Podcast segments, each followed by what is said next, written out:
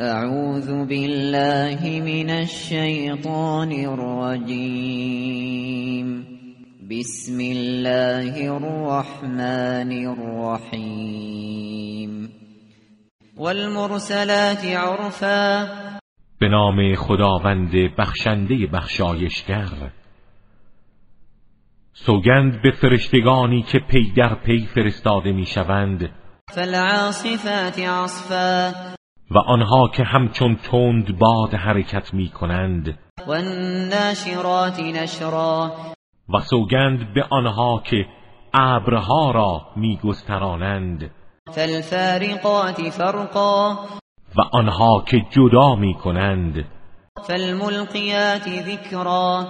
و سوگند به آنها که آیات بیدارگر الهی را به انبیا القا می نمایند عذرا أو نذرا برای اتمام حجت یا برای انذار إنما توعدون لواقع که آنچه به شما درباره قیامت وعده داده می شود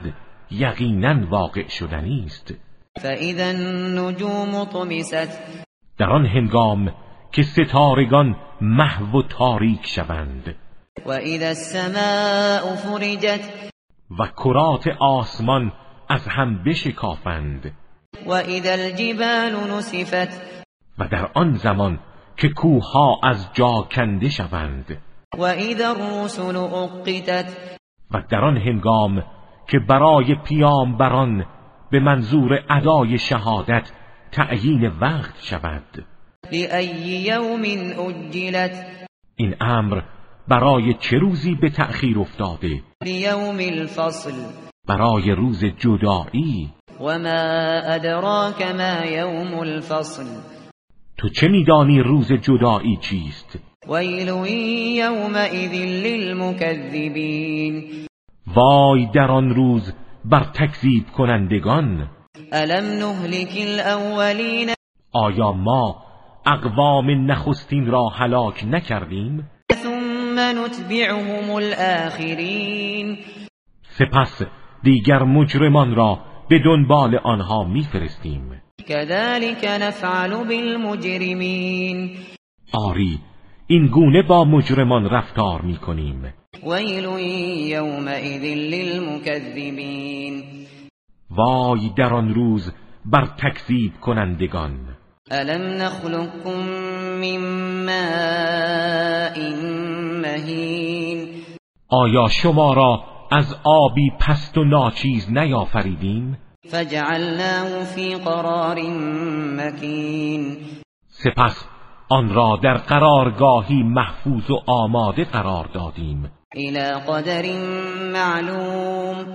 تا مدتی معین فقدرنا فنعم القادرون ما قدرت بر این کار داشتیم پس ما قدرتمند خوبی هستیم ويل يومئذ للمكذبين وای در آن روز بر تکذیب کنندگان ألم نجعل الأرض كفاتا آیا زمین را مرکز اجتماع انسانها قرار ندادیم أحياء وأمواتا هم در حال حیاتشان و هم مرگشان وجعلنا فيها رواسي شامخات وأسقيناكم وأسقيناكم ماء فراتا و در آن کوههای استوار و بلندی قرار دادیم و آبی گوارا به شما نوشاندیم ويل يومئذ للمكذبين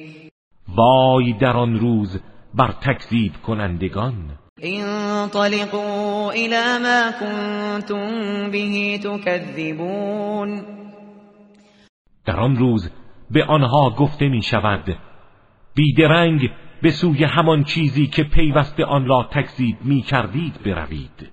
انطلقوا إلى ظل ذي ثلاث شعب بروید به سوی سایه سه شاخه دودهای خفقان بار و آتشزا لا ظليل ولا يغني من اللهب سایه ای که نه آرام بخش است و نه از شعله های آتش جلوگیری می کند إنها ترمي بشرر كالقصر شراره هایی از خود پرتاب می کند مانند یک کاخ كأنه جمالة صفر گویی همچون شتران زرد رنگی هستند که به هر سو پراکنده می شوند ويل يومئذ للمكذبين وای در آن روز بر تکذیب کنندگان هذا يوم لا ينطقون امروز روزی است که سخن نمیگویند ولا يؤذن لهم فيعتذرون و به آنها اجازه داده نمی شود که عذر خواهی کنند ويل يومئذ للمكذبين وای در آن روز بر تکذیب کنندگان هذا يوم الفصل جمعناكم والأولين و به آنها گفته می شود امروز همان روز جدایی است که شما و پیشینیان را در آن جمع کرده ایم فإن كان لكم كيد فكيدون اگر چاره ای در برابر من دارید انجام دهید ويل يومئذ للمكذبين وای در آن روز بر تکذیب کنندگان إن المتقين في ظلال وعيون در آن روز پرهیزگاران در سایه های درختان بهشتی و در میان چشمه ها قرار دارند وفواكه مما يشتهون و میوه هایی از آنچه مایل باشند كلوا واشربوا هنيئا بما كنتم تعملون بخورید و بنوشید گوارا اینها در برابر اعمالی است که انجام میدادید إنا كذلك نجزي المحسنين ما این گونه نیکوکاران را پاداش میدهیم ويل يومئذ للمكذبين وای در آن روز بر تکذیب کنندگان كلوا وتمتعوا قليلا إنكم مجرمون و به مجرمان بگو بخورید و بهره گیرید در این مدت کم چرا که شما مجرمید ويل يومئذ للمكذبين وای در آن روز بر تکذیب کنندگان وإذا قيل لهم اركعوا لا يركعون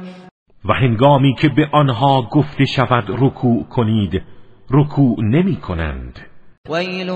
يومئذ للمكذبين وای در آن روز بر تکذیب کنندگان فبأي حديث بعده يؤمنون و اگر آنها به این قرآن ایمان نمی آورند پس به کدام سخن بعد از آن ایمان می آورند